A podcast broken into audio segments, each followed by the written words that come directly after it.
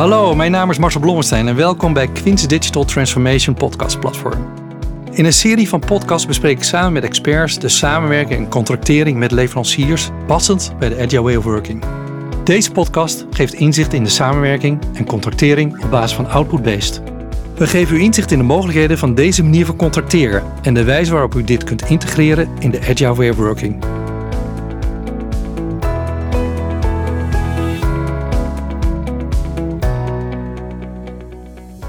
Goedemorgen. Welkom bij de webinarserie over de Agile Way of Working, de contractering en samenwerking met leveranciers. We gaan vandaag spreken over een contractvorm genaamd Output-Based. Maar voor ik daarop inga, mijn naam is Marcel Blommestein. Ik werk bij Quint in de Sourcing Practice. En aan tafel heb ik hier twee mensen die hier veel verstand voor hebben. Uh, Richard, welkom aan deze tafel voor de eerste keer. Hans, we hebben we al eerder gezien. Misschien Richard even voorstellen. Ja, goedemorgen Marcel. Uh, mijn naam is uh, Richard Sweer. Uh, ik ben projectmanager en uh, metric consultant en ik ben uh, associate bij Quint. Dankjewel. Hans? Jan Sporenburg, consultant bij de High Performance Transformation Practice. de practice die, die, die zich bezighoudt met lean, agile, DevOps, transformaties in organisaties.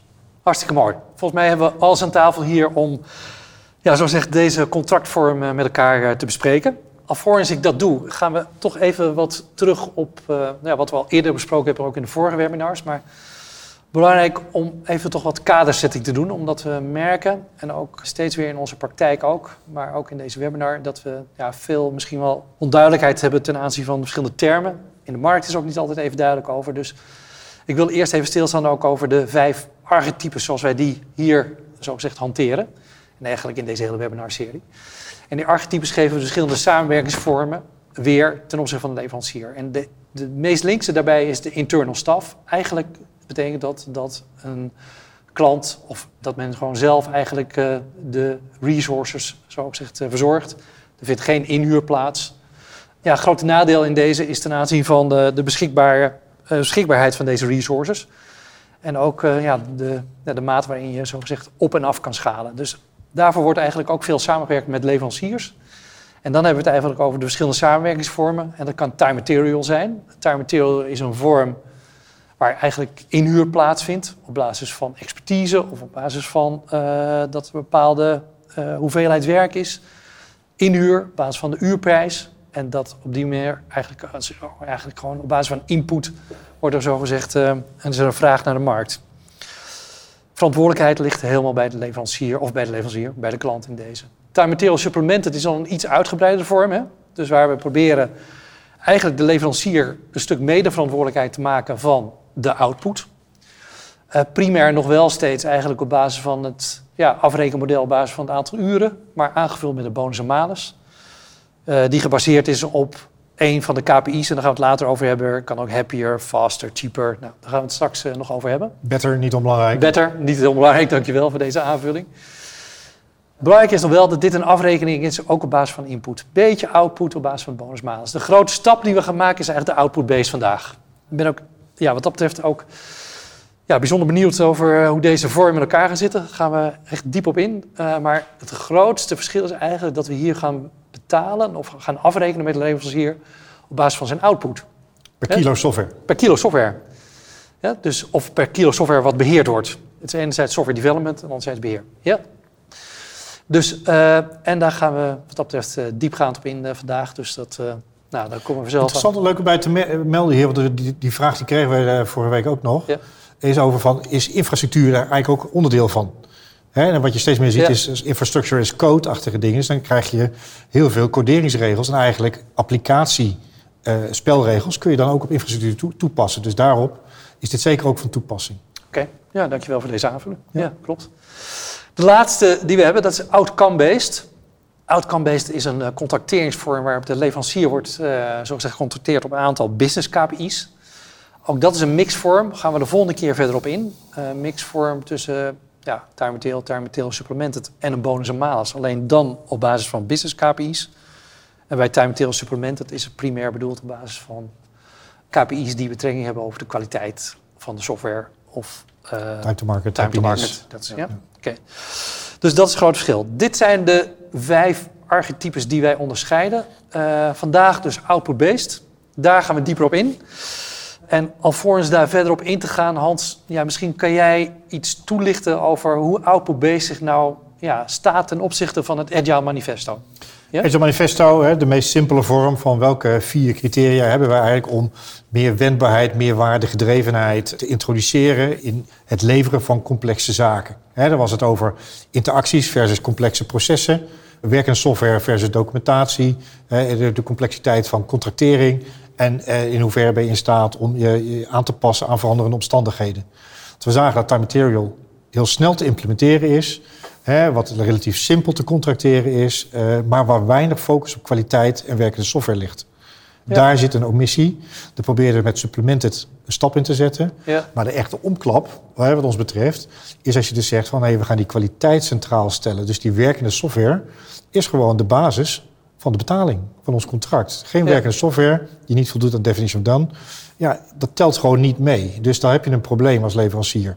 Maakt het natuurlijk wel dat je wat langer moet inleren met elkaar. Je moet elkaar begrijpen. Hè? Je moet eh, elkaar ook leren vertrouwen. Elkaar ook wat gunnen. En vervolgens, maar als dat staat in op langere termijn, zijn die initiële kosten tellen minder zwaar door. Maar dan heb je wel het voordeel van per sprint kun je je scope aanpassen. Maar de kwaliteit, focus blijft geborgd. Ja, en we zullen ook zien dat uh, het risico ook verspreid wordt tussen leverancier en klant. Waar in een time material omgeving of supplement het altijd vaak het risico bij de klant ligt zie je straks een output-based dat dat wat, wat beter uit. dat is een goede zeker. Ja, zeker. Ja, dus wat dat betreft output-based, focus op kwaliteit. En die, die focus op kwaliteit is eigenlijk uh, ja, dat is een 100% score op het Agile Manifesto, denk ik ook. Ja, dus, ja. zeker. Ja, dus zeker wat, wat die twee criteria. Dus je wat, wat water bij de wijn bij de andere, maar Helder. is het het waard of niet? Ja. Uh, dat brengt me eigenlijk over de definitie van kwaliteit. En daar hebben we het vorige keer ook al even over gehad. Uh, we hebben daar onderscheiden de vier CTQ's. Misschien kun je daar ook nog even wat, misschien een stukje herhaling, maar misschien ook een stukje aanvulling van wat betekent dit nou ten aanzien van output-based? Ja, nou ja, waar we zeiden van nou, het is uh, de, de, kwaliteit willen we centraal zetten, dus maakt het ook expliciet, gaat het ook expliciet meten ja. hè, en ga daar ook op rapporteren. Nou, we hebben daar al iets over gezegd, we komen er straks nog uitgebreider op terug. En de happiness is eigenlijk ook een toets van hebben wij waarde mm. geleverd. Mm. Als de klant blij is, mm. opdrachtgever is tevreden, medewerkers zijn blij, hey, dan hebben we wel iets goed gedaan. Dus happiness is ook een van de drijfveren in agile werken. Gemotiveerde mensen. dus, dus dat is een belangrijk onderdeel. En de wereld verandert en we willen daarop inspelen. Dus de time to market, snelheid, faster, is dus een heel belangrijke derde uh, criterium die dat we mee willen nemen eigenlijk in onze dashboard. en niet onbelangrijk, altijd is natuurlijk ook wat kost het. wat kost een kilo? en uh, daarin is het nu interessant als je met output-based contractering gaat werken, is dat je eigenlijk in het dashboard de kwaliteit centraal zet en dat je, je gaat dingen meten rondom happiness en, en, en, snelheid. Maar voor de leverancier, die moet ook zijn winstgevendheid in, in, in stand houden. En als hij dus zegt van ik wil kosten reduceren, bijvoorbeeld omdat hij dus uh, bepaalde tegels heeft gehad, dan zie je dat hij gaat sturen op, kan ik wat inboeten op kwaliteit? Of kan ik wat minder mensen inzetten? Of kan ik wat uh, minder uh, mature competenties beschikbaar stellen in het team? En dit mechanisme, dit output-based contracteringsmechanisme, geeft eigenlijk in feite dat, dat, dat in beeld dat je, je kan niet te veel toegeven op kwaliteit. En als de, de, de, happiness eh, afneemt, krijg je op een gegeven moment ook gewoon minder betaald. Dus je, je maakt als het ware een, een logisch balans, waardoor je niet alleen maar de leverancier kan zeggen, ik reduceer de kosten ten koste van de kwaliteit en tevredenheid van de klant. Nee, dat krijg je gewoon rechtstreeks terug. En als je dit naar dit model eh, kijkt, de, vier, eh, de vier KPI's, dan zie je dat het grootste risico nu aan de, aan de rechterkant, aan de cheaper kant bij de leverancier ligt. Waarbij in een time material niet, hè, wat ik zojuist uh, aangaf. En het enige stuurmiddel wat hij heeft, is uh, ja, minder kwaliteit leveren, waardoor eventueel de klant minder tevreden wordt. Daarom is dus aan de linkerkant uh, meten van, van kwaliteit, maar ook de meten van de tevredenheid van je klanten, van je stakeholders en van je team. Als we naar een model kijken, dan, dan liggen daar eigenlijk 40 kleine 40 metrieken Voordat je daarop ingaan, want ik, wat ik, als ik even dat mag samenvatten, hè, dan dus eigenlijk zeggen jullie van oké, okay, uh, de leverancier wordt straks betaald op basis van zijn output. Als hij die output, zo gezegd, uh, als hij daar meer marge op wil halen, dan moet hij gaan werken uiteindelijk aan de betere kwaliteit en happiness en faster. Hè? Dus dat zijn, ja. daar moet hij aan gaan werken om uiteindelijk meer marge te halen. En dat is eigenlijk uh, ook wat je als klant wil. Want je wil eigenlijk betere software hebben, goedkopere software. En, uh, nou, dus... Je wil per kilo gaan afrekenen, maar je moet wel bepalen wat die kilo is. Juist. Dat is volgens mij de essentie. En het mooie van die leverancier is, als hij efficiënter werkt en de prijs per output staat vast, dan maakt hij meer winst. Dus het is ook nog een driver voor die, voor die leverancier Innovatie. om efficiënter te werken. Ja, dus dit is echt een manier om meer ownership bij de leverancier te krijgen ten aanzien van de werkelijke levering van software of het beheer van software. Ja, ik noem het wel het win-win model. De win ligt bij de leverancier. Als hij efficiënter werkt, maakt hij meer winst. Dus er zit meer drive achter om, om innovatie, om verbetering door te voeren. En de winkant aan de, aan de klant. Ja, het risicospreiding. En het, het Maar je krijgt ook daadwerkelijk je best practices van je leverancier nu ook in actie, in je team. Ja, want hij heeft daar, hij heeft heeft daar belang, bij. Ja. Ja. helder. Oké, misschien nog eventjes een trapje dieper ten aanzien van de, de, de KPI's of CTQ's. Ook daar, vorige keer hebben we daar iets over stilstaan, maar we hebben ook wat vragen gekregen over wat zijn nou precies die KPI's en CTQ's. Uh, nou, CTQ's uh, staan hier bekend, maar wat zijn met name de underlying metrics? Uh, dus ja, Richard, misschien kan jij iets hierop toelichten. Ja, ja. Nou, laten we beginnen met cheaper, productiviteit. In een agile omgeving kunnen we eigenlijk op drie manieren productiviteit meten. Je kunt de lines of code meten, je kunt de story points meten en misschien nieuw voor sommigen, je kunt ook functiepunten meten. het jammer van lines of code is dat je eigenlijk het meet als het gebouwd is. Dus je kunt er eigenlijk moeilijk vooraf afspraken over maken. Het zou mooi zijn als je voordat je die feature gaat bouwen aan de product owner of aan een stakeholder kunt zeggen, wat kost mij dat? Maar je, be je beloont in feite slecht codeerkwaliteit. Hè? Veel regels is veel geld. Ja, ja. Terwijl je wil graag goed beheerbare code hebben. Dus goed ontworpen. Ja, ja nou, de story points, daar hebben we het al over gehad. Hè. Het is heel goed om commitment te creëren in het team. Maar ja, zeker als commerciële belangen meespelen, dan is dat niet objectief. Het, het is niet te auditen, het is gewoon geen goed metriek voor een output-based contract was het niet te zetten. Ja.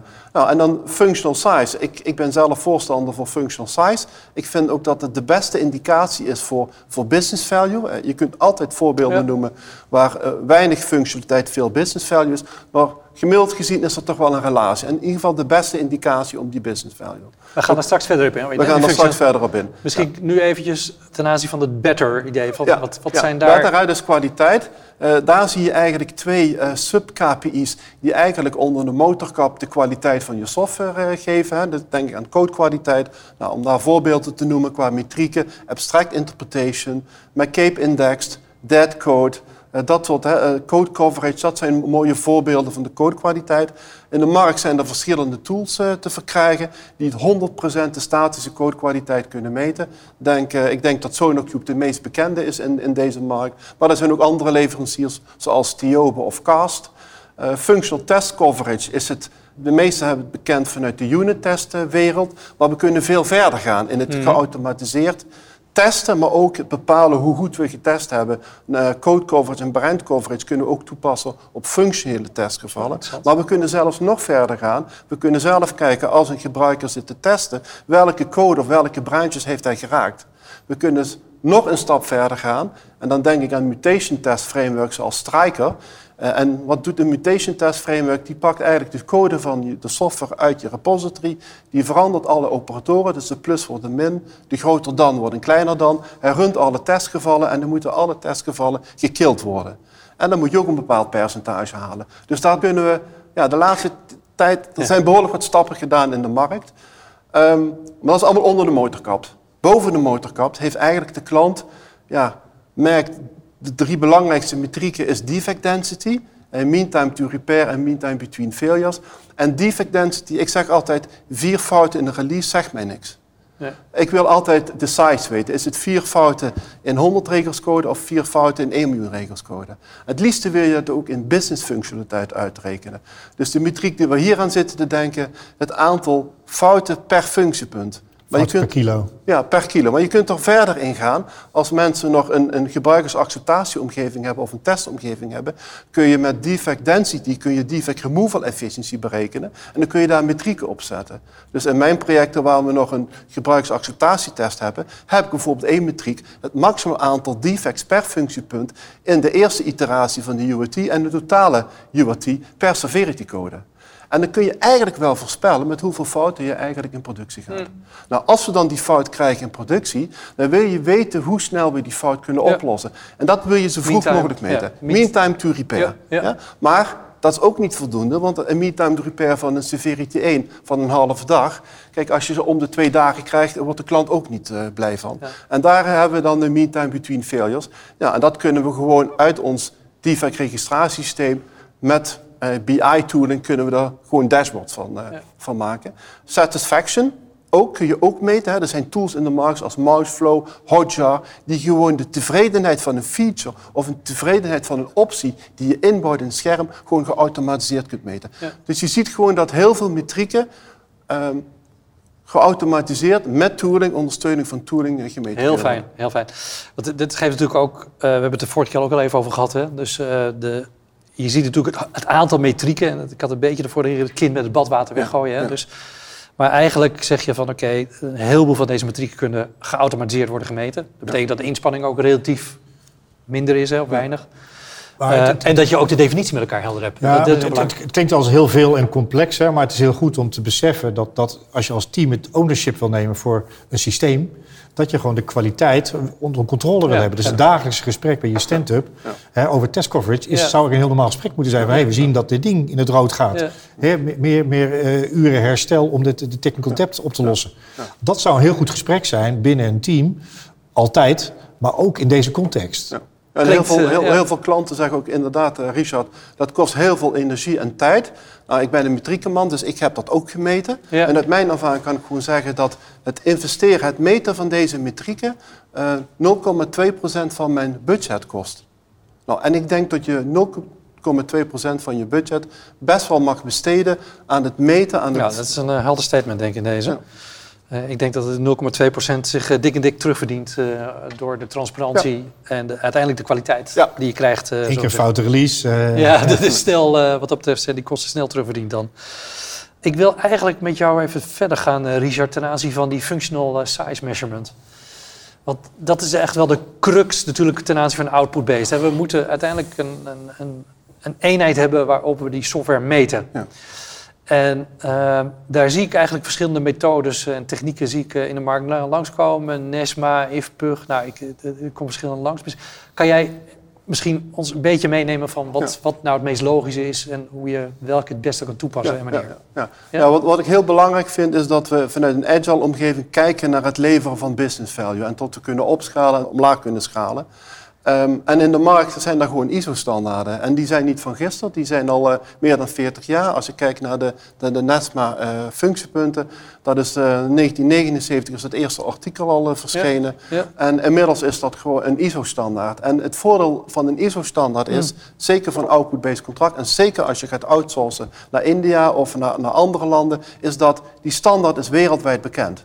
Daar hebben, we geen discussie, daar hebben we geen discussie, juist. Daar hebben we geen discussies over mogelijk.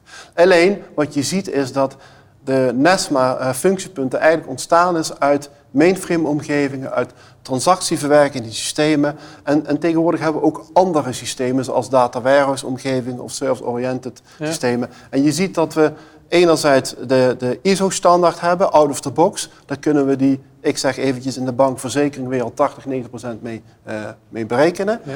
Maar je zult ook wat ja, andere type applicaties hebben. En daar zijn ook aanhangsels in de ISO-wereld beschikbaar. Hoe je dan in een data warehouse omgeving functiepunten telt. Of okay. hoe je in de serviceoriëntatie uh, functiepunten telt.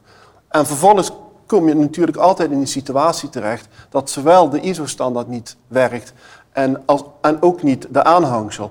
En de belangrijkste reden is om deze metriek in te zetten, is dat er een relatie bestaat tussen je inspanning en je size die je berekend hebt. Als die relatie er niet bestaat, moet je deze metrieken niet gaan inzetten. Ja. En dan komt het af en toe toch eens voor dat je toch zelf je telrichtlijnen uh, moet gaan opstellen met het team. Ja, het nadeel uh, lijkt mij duidelijk. Dat betekent als je daar een leverancier mee contracteert, moet je het gaan uitleggen aan de leverancier. Dus onze voorkeur is eigenlijk Probeer zoveel mogelijk out-of-the-box ISO telrichtlijnen te gebruiken.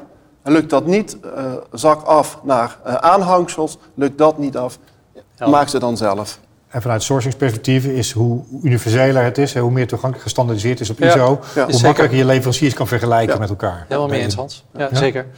En dat geeft ook een mogelijkheid eventueel ook uh, de switch van de ene leverancier naar de andere leverancier maakt het natuurlijk ook een stuk makkelijker. In plaats van dat je zelf je eigen ja. regelgeving moet hebben.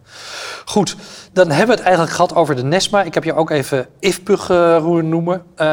ik zie ook in de markt Cosmic Cast. die zie ik ook nog terug. Uh, ja, kan je het misschien het totale beeld even uh, compleet maken? Ja, dit, dit is niet compleet, want we, we hebben bijvoorbeeld ook de FISMA, de Finse taalrichtlijnen. Okay. Maar, maar, de NESMA, de IFPUG, de COSMIC, de CASM, dat, dat hoor je vaak in Nederland en in Europa. Uh, waarbij de NESMA echt een Nederlandse vereniging is, een actieve vereniging is. Je ziet het ook in de, de ISO-standaardisatie 2018 ja. zijn de telrichtlijnen weer aangepast. Ja. In het telrichtlijnenboek is ook een stuk over de agile beschreven. Uh, de NESMA was eigenlijk bedoeld om software die we nieuw moeten bouwen te tellen. Niet zozeer het onderhoud. Nou, daar is dus een aanhangsel op gemaakt, dat noemen we de NESMA Enhancement. En die is speciaal ontwikkeld voor het onderhoud van software. En, en, daarnaast heb je natuurlijk die variant, wat ik al eerder zei. Daar je de hele levenscyclus mee. Ja, de hele levenscyclus. Maar gewoon, ja. Ja. en dat heb je in Agile ook. Hè. In Agile teams heb je een stukje nieuwbouw, een stukje onderhoud. En je, je wil dan niet opeens twee productiviteitscijfers of twee prijzen per functiepunt hebben. En iedereen begrijpt, als ik twee veldjes op mijn scherm aanpas, dan is dat niet als ik het helemaal opnieuw moet bouwen. En, en daar zit het verschil in, daar zit een impact factor in. En dat is het mooie, dat je het in Agile team zowel nieuwbouw als onderhoud op dezelfde manier kunt, eh, kunt tellen.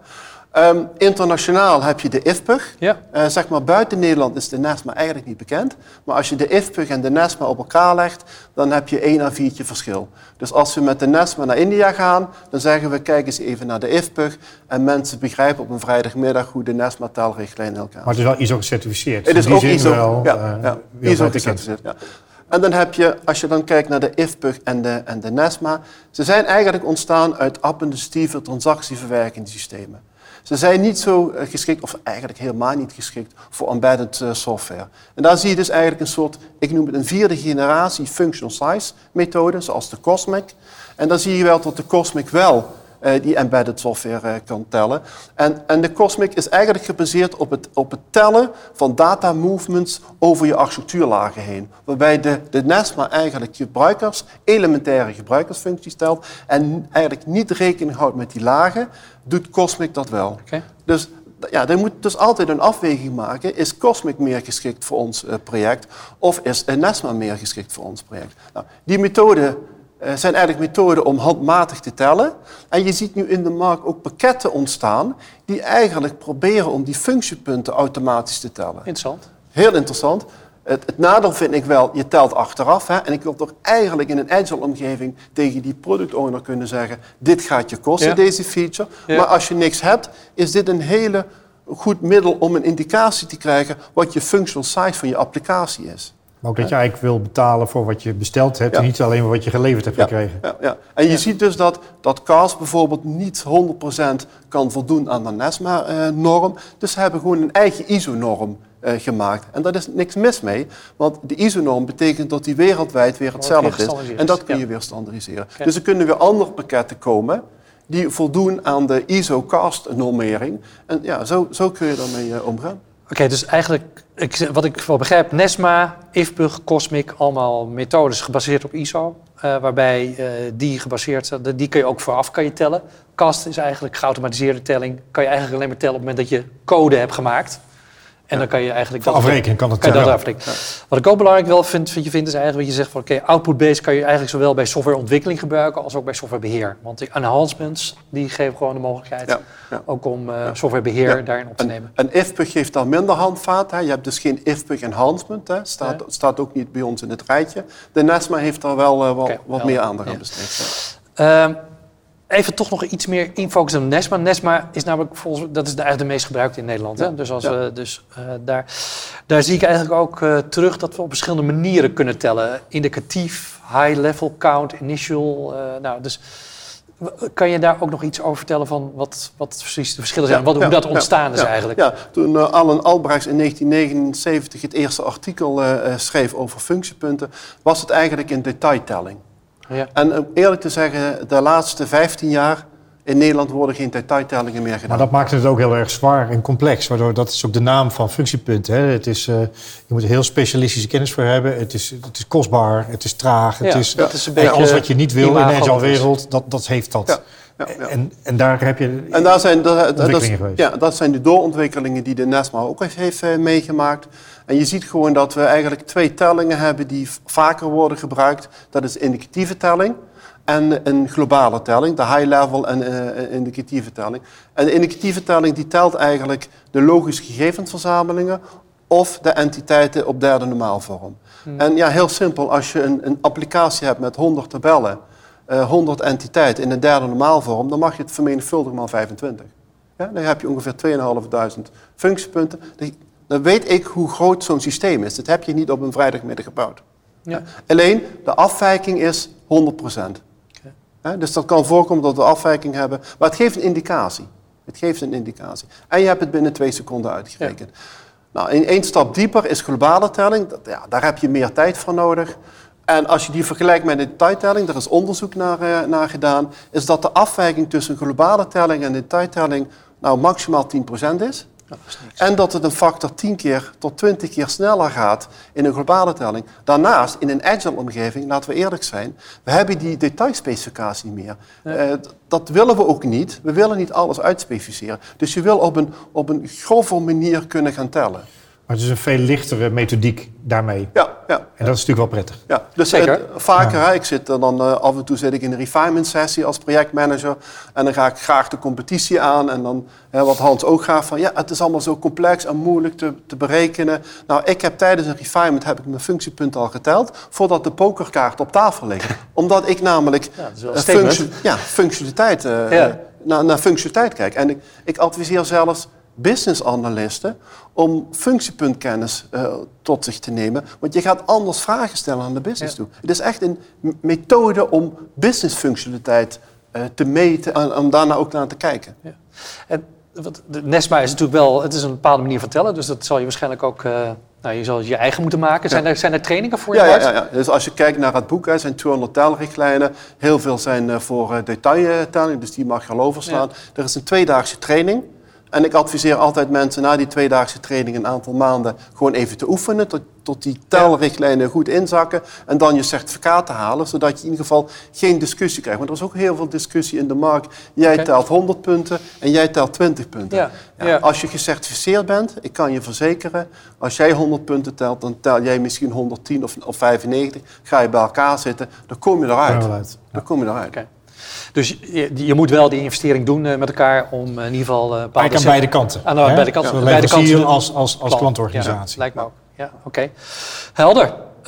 dankjewel voor deze toelichting, Richard. Dat, dat brengt me eigenlijk van... Ja, hoe zouden we nou die output-based contracting methode kunnen hanteren in de safe agile way of working? Er zitten heel veel rituelen in. jij gaf het net aan, hè, dus... Misschien wil je van tevoren al iets gaan doen met tellingen, maar ook uiteindelijk wil je er ook gaan factureren. Dus ja, Hans, misschien kan jij... We hebben dit plaatje eerder gezien, ook in, uh, in ja, sessies. Je, je spreekt over de Safe Agile Way of Working. Ja. maar dat is, het, het Safe-stuk is ook vaak op release train, op programmaniveau ah, en daarboven. Als we ons hier even richten op teamniveau, hè, dan zie je eigenlijk het, uh, het plaatje waarbij je zegt van nou, we hebben aan, de start hebben we een product owner die heeft een product backlog. Hè, het team pakt op een gegeven moment bepaalde zaken op in een sprint backlog. Je hebt dan een bepaalde sprintperiode om de zaak te bouwen. En je toont in de review uh, aan je stakeholders wat er gemaakt is. Ja. En dan heb je in de retrospectief, reflecteer je erop okay. te kijken hoe kunnen we het beter. Hè, dus als je die dingen pakt, hè, dan zie je eigenlijk dat, uh, dat je dus die die indicatieve tellingen, eh, juist op product backlog niveau, door de product owner heel goed gebruikt kunnen worden om zijn stakeholders en verwachtingen te kunnen managen. Dat je zegt van nou, we hebben een methodiek om er op kortstens met elkaar ook te kijken naar hoe groot is iets, hoeveel functiepunten is het is. Dan bouw je dat een beetje in in je standaard manier van werken. En kun je dat ook naar je product backlog naar je stakeholders meenemen. Van nou, wij denken, velocity is dan in, in story points, maar je hebt ook een bepaalde gemiddelde uh, productiviteit in functiepunten per sprint. Hè, die heb je ook geconstateerd in jouw programma's. En daar kun je dan op een gegeven moment zeggen, dat betekent naar mijn stakeholders dat uh, zoveel tijd, zoveel tijd te verwachten is. In Q1 komt het, dan zal het geen Q4 worden. Hè? Dus, dus dat is heel erg fijn, want Agile wordt wel vaak gepercipieerd met... we hoeven niet meer te schatten, we hebben geen voorspellingen meer. Ja. Dat is echt gewoon niet aan de orde. Dat is niet het doel. En als dat de uitkomst is, dan is er ergens onderweg is iets misgegaan. Ja. Nou, dit kan je helpen om die voorspellingen, de, de, de forecast, te verbeteren. Als je wel meer uh, high-level accountings wil gaan gebruiken in je, in je, in je, je sprintplanning, je gaf al aan, het gaat heel erg snel. En je kan op het einde aangeven in je review wat er gebouwd is. Nou, dan heb je dus een aantal toetsmomenten met elkaar. Uh, A, van hoeveel kilo is het? Maar we hebben ook iedere keer kunnen wij kijken van voldoet het aan de definitie van die kilo. Dus die KPI's die krijg je erbij. Op het gebouwd is, kun je dashboard laten zien van hey, wat staat er op groen, wat is omhoog gegaan, wat is omlaag gegaan. Ja. we hebben technical debt opgedaan. Oké, dan lijkt het dat we nu meer hebben. Maar we voldoen niet meer aan de eh, definition of done. Of is technical debt opgebouwd. Dat kan wel, maar we moeten de volgende keer wel even zorgen dat we dat weer een beetje recht trekken. Ja. Nou, die inzichten krijg je eigenlijk ook in je sprintreview, waardoor je eigenlijk ook heel veel uh, met elkaar naar dezelfde werkelijkheid blijft kijken. En zorgen dat die prikkels ook ingebouwd blijven. En als ik even kijk naar kwaliteit, wat ik vaak doe is van, we hebben dus die prijs van functiepunt. En wat Hans ook aangeeft, we kijken op het allerlaatste wat opgeleverd is en we komen daar de functiepunten overheen. Dan zeg ik van, oké, alle metrieken die onder kwaliteit hangen in het uh, voorgaande model, die hang ik onder definition van dan. En we weten met z'n allen, je voldoet eraan of je voldoet er niet aan. niet een beetje, je voldoet eraan of niet. En dan zeg ik altijd, je krijgt 80% betaald van de prijs van functiepunt. En de overige 20% krijg je betaald als je acht weken foutloos in productie bent. Zo, zo, kun je dat soort instrumenten gebruiken om op kwaliteit te sturen. Ik krijg ook wel eens de feedback, heb je dan niet af en toe, zeker als het commercieel van belang is om het aantal functiepunten te bepalen, krijg je niet oeverloze discussies in jouw teams. Nou goed, ik zeg altijd, ik heb altijd de rijdende rechter in mijn contract zitten. Dus we gaan niet uren discussiëren, dat vind ik niet agile. We zijn het niet mee eens, we, bellen de rijdende rechter op en die, maakt, en die doet een uitspraak.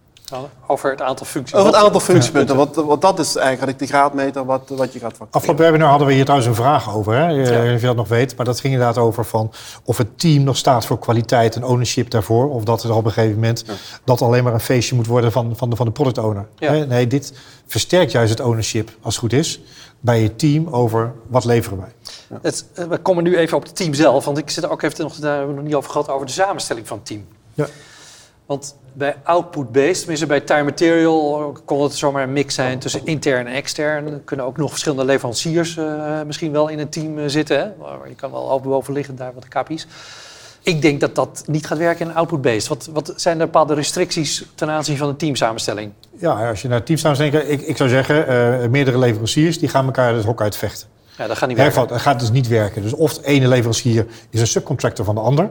Ja. Hè, dan kan je zeggen, oké, dus dan heeft de een de verantwoordelijkheid en de ander levert de diensten aan. En dan is het vervolgens iets in, in de principal agent uh, mechanieken die, die, die achter de leverancier zitten. Ja. Maar als je die twee aan de voorkant zitten en beide hebben een contract met de leverancier, dan heb je hier gedoe. Ja. Dus dat dus moet je niet willen. Per team één leverancier, één leverancier, één Per release train kun je meerdere hè, leveranciers. Hè. Dus het gaat echt per team advies beperk je tot één leverancier. Maar als er dus veel dependencies zijn, als je praat over save en release trains... en je, je, je, probeert gewoon die, die, die, die dependencies te, te, nou ja, te besturen binnen, op een release train niveau... dan krijgen we een beetje, wel een beetje zwarte pieten. Van, hey, volgens mij, ik heb het niet gedaan omdat jij het niet hebt geleverd. En jij zegt hetzelfde naar mij toe. Dan hebben we daar gedoe over. Dus dat kan wel, maar je moet wel zorgen dat die, dat die afhankelijkheden niet belemmerend gaan worden zelf, eigen mensen, kan je, kan je mix hebben tussen eh, een team, mix tussen leverancier, medewerkers en eigen mensen? Wat, wat ja, is jullie ervaring? Ja, ja, mijn ervaring is een, een, mix tussen leverancier en eigen mensen. Uh, komt vaker voor. Wat je natuurlijk wel krijgt, omdat de, de leverancier betaalt op het output, tot, tot de leverancier wel kwaliteitseisen gaat stellen aan de mensen die ze in een team opnemen. Ja. Maar het ware, je de, de, de medewerker van de opdrachtgever inhuren in zijn team. Ja. En, de verhouding moet een beetje billig zijn. Hè? Dus het eh, moet niet zo zijn dat je een scrum-team hebt van tien mensen, waarvan uh, zeven mensen intern en drie mensen van de leverancier. Ik bedoel, dat, dat wordt ook een beetje uh, moeizaam. En zijn er specifieke rollen waar je zegt, joh, dat zijn specifieke rollen die dan beter intern passen en die passen beter bij de leverancier? Nou, wat je, je ziet, want een van de lastige grijze stukjes is het refinement proces. Hè? Wat was de kwaliteit van product backlog naar sprint backlog, waar het team het kan oppakken? Nou, dat, dat proces, daar moet je iets voor bedenken. Dat levert geen functiepunten op. Maar als je dat korter kan maken en je kan dus een business analyst bijvoorbeeld in een team zetten, hè, dan is dat nog steeds voor beide profijtelijk. Business analyst van de klant bedoel je? Van de klant. Van de klant, ja. ja en dan kan je dus eh, met, met een relatief korte uh, refinement proces en met, dan, met de capaciteit, competenties van een klant in dat team, kun je die snelheid maken. Dan bouw je meer agility in. Ja, ja. ja, en als je echt heel volwassen leveranciers hebt, vaak zeg je van tot en met definition of ready, dat zit niet bij mij in de prijs van functiepunt, omdat het, ja, dat is, dat is een stukje onzekerheid, er zit ook vaak interne klant in. Maar als je echt mature leveranciers hebt die, die kennis hebben van je markt, die durven zelfs een uitdaging aan. Voor mij zit alles wat er gebeurt van refinement tot met analyse op, zit in die prijs van functiepunt. Ah, dat is cool. Dus daar, daar, ja, dat is afhankelijk van de volwassenen. Okay. Dus resume, ik denk dat voor output-based essentieel is dat in ieder geval één leverancier verantwoordelijk is voor het team. Hè? En we zien wel eens een mix tussen interne mensen en leveranciers. Ja. maar daar zitten wel bepaalde randvoorwaarden aan. Dan moet je goede afspraak maken over in je contract. Helder. Condities voor succes. Hans, wanneer kan dit succesvol zijn? Nou ja, we hebben al aangegeven van A, het, het, moet eigenlijk in feite een levering van een dienst zijn waar als de zichtbaarheid naar de klant toe heel duidelijk is. Dan is er weinig discussie over is er iets geleverd of niet. Als het heel erg technisch wordt in de kelder, van een, dan, dan is dat al een, uh, wordt het door de klant gezien als een zwaardere methodiek met minder toegevoegde waarde. Twee is als je naar het team kijkt, één leverancier erin, niet meerdere. Ja. Hè, maar ook dat je in feite de definitie van de scope, waar is het team van? Ja. Hè, dus het ownership moet je kunnen nemen over het systeem. En dus die systeemdefinities moet je hebben. En vervolgens moet je ook zorgen dat zij als enige, primair als enige, dat ook kunnen muteren. Als je, wat je ook wel ziet is in agile organisaties dat andere teams hebben een soort shared code ownership. Ja, dat, nou, dat, is in deze context net weer even. Dus dat is een beperking aan die agility. Dus je, je focust hem wel naar het team toe. Maar ja, eh, dat heeft dus wel een aantal uh, voorbeelden. Dus dan definition of done maak je scherp. Je, je, je kwaliteitsmetrieken regel je in. Hè, de, uh, Helder. Nou, dan hebben we hem. Ja, en je output beschrijven. Hè. Dit is een output-based contract. Dus beschrijf heel goed je output. En ja, ik zeg het vaak tegen klanten, kijk eens naar de Prince 2 product descriptions. Hè. Daar beschrijf je, is een mooie template om je output te, beschrijven. In 2017 hebben ze dat nog aangepast. En ik gebruik dat vaak als een template, als een checklist, om gewoon heel feitelijk je output te beschrijven. Ja. Als ik kijk naar hoeveel, hoeveel teams, mensen even rule to thumb, wat voor soort teams of hoeveel teams zouden geschikt zijn voor output-based? Ja, nou ja, wat je zei, het, gaat, het is eigenlijk gebaseerd eigenlijk een beetje rondom die, die, die, die administratieve systemen. dus als je in die hoek zit, dan, dan kan je er al relatief veel zou je daaronder uh, onder kunnen, kunnen gaan vatten. we hebben al eerder gesproken over uh, als het zeer innovatief is met technologie of de functionaliteit. We zijn erg aan het zoeken met elkaar. Ja, dan, dan is het kalibreren hier naartoe ja. best complex. Dus daar, daar, moet je dan niet aan beginnen. Ja. Maar ik denk een heleboel ondernemingen, een heleboel administratieve systemen. Dus daar, daar zou je het grootschalig dat, dat zou en, en, en, ja, in mijn 25 jaar als projectmanager, ik zou zeggen, 95% van projecten waar ik uh, bij betrokken ben geweest, kon ik gewoon een output-based contract afsluiten. Oké. Ja. Goed, dat brengt me nog even bij de roadmap van, voor implementatie. Ja. Wat, we... misschien gezien ook de tijd, wat zijn de specifieke kenmerken voor output-based? Dat we daar eventjes op uh, inzetten aan de voorkant goed kijken, waar praten we over? Is die systeemdefinitie uh, is die te maken? Is die scherp? En is dat, of is het scherp te maken in de inloop van de calibratieperiode? Uh, hoeveel leveranciers zitten erin? Dus de definitie van de techniek. Zijn de, de, de ISO-standaarden van toepassing, NESMA, IFPUG, dat soort zaken? Als je dat uh, hebt, hè, dan kan je zeggen, nou, dan moeten we zorgen dat we de training gaan verzorgen. En dan heb je, je eigenlijk je preparatiefase afgerond readiness van het team is denk ik wel belangrijk. Hè? Dus, uh, van, joh, ja, nou, we hebben gezien bij klanten dat, dat op een gegeven moment, als je ziet dat de teams geen ownership nemen voor de kwaliteit, zeggen ja, technical debt is een probleem van de product owner. Het sterft van de technical debt in het systeem. Dan, nee, maar dan zie je ook dat die leerperiode om daadwerkelijk naar echt uren per functiepunt die, die, die, die nou, een beetje marktconform zijn, waar je wat mee kan, en dat het zonder dat het helemaal uit de hand loopt. Ja, dan zeg je eerst moet er een basiskwaliteit van het systeem op orde zijn. En dat legt eigenlijk dat je die calibratieperiode, hè, die zien we, we hadden eerder gezien, dan was dat 1 tot 3 maanden. Hier hebben we 3 tot 6 maanden. Maar als je dat niet in 6 maanden kan, dan voelt dat ook als we investeren in deze methodiek. Maar als je scherp kijkt, ben je eigenlijk aan het investeren in de kwaliteit. Ja. Hè, dus dat is eigenlijk achterstallig onderhoud die erin zit. En als dat ja, als dat onvoldoende is, teamvolwassenheid, kwaliteit van het systeem, ja. ja dan heb je in je calibratieperiode gewoon een probleem. en dan heb je meer tijd. Ja, en die calibratieperiode heb je ook eigenlijk nodig om je leverancier te beschermen. Hè? Om, met alle respect, ik heb heel veel intakes gedaan, heel veel met heel veel leveranciers rond de tafel gezeten. Maar tot op dag van vandaag kan niemand mij vertellen als ik mensen één uur, consultants één uur, hoeveel regels code per dag iemand maakt en hoeveel fouten per regels code ik straks in productie vind. Dus met andere woorden, de meeste leveranciers weten hun productiviteit en de kwaliteit van hun teams niet. En dat ga je in die calibratie samen ontdekken. Helder. dus je beschermt daar ook een beetje je, je leverancier mee. Dus belangrijk onderdeel is die calibratie. Dan, dan wat dat betreft krijg je zogezegd uh, ja, factual eigenlijk ja, inzicht in van wat, wat de werkelijke productiviteit is, fout code en dat soort dingen. Dat je gaat elkaar leren begrijpen. Ja, je gaat het eens worden over wat is het. Helder, helder. En belangrijk aan het begin is eigenlijk, uh, Hans, waar je zegt, oké, okay, uh, het team moet er ook klaar voor zijn. De omgeving het team moet er klaar voor zijn, het systeem moet er in principe geschikt voor zijn, de omgeving, de volwassenheid vanuit de klantorganisatie. Je moet daarbij passen, want die klant moet hier ook wel. Het team moet er op twee manieren klaar voor zijn. Enerzijds moeten ze klaar zijn, joh, we leveren bepaalde kwaliteit, maar ze moeten ook uh, op een bepaalde manier klaar zijn om te kunnen samenwerken met de leverancier op deze manier. Ja. Ja? Helder. Goed, dankjewel. Uh, dat brengt mij eigenlijk uh, aan het einde van deze webinar. Deze deep dive rondom output-based. Hans, Richard, hartelijk dank voor deze toelichting. Graag gedaan. Ja.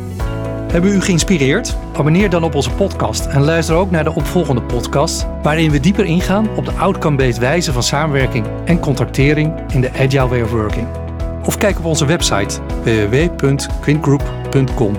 Daar vindt u meer over onze dienstverlening, webinars, whitepapers en carrière mogelijkheden binnen Quint. Graag tot de volgende podcast-episode.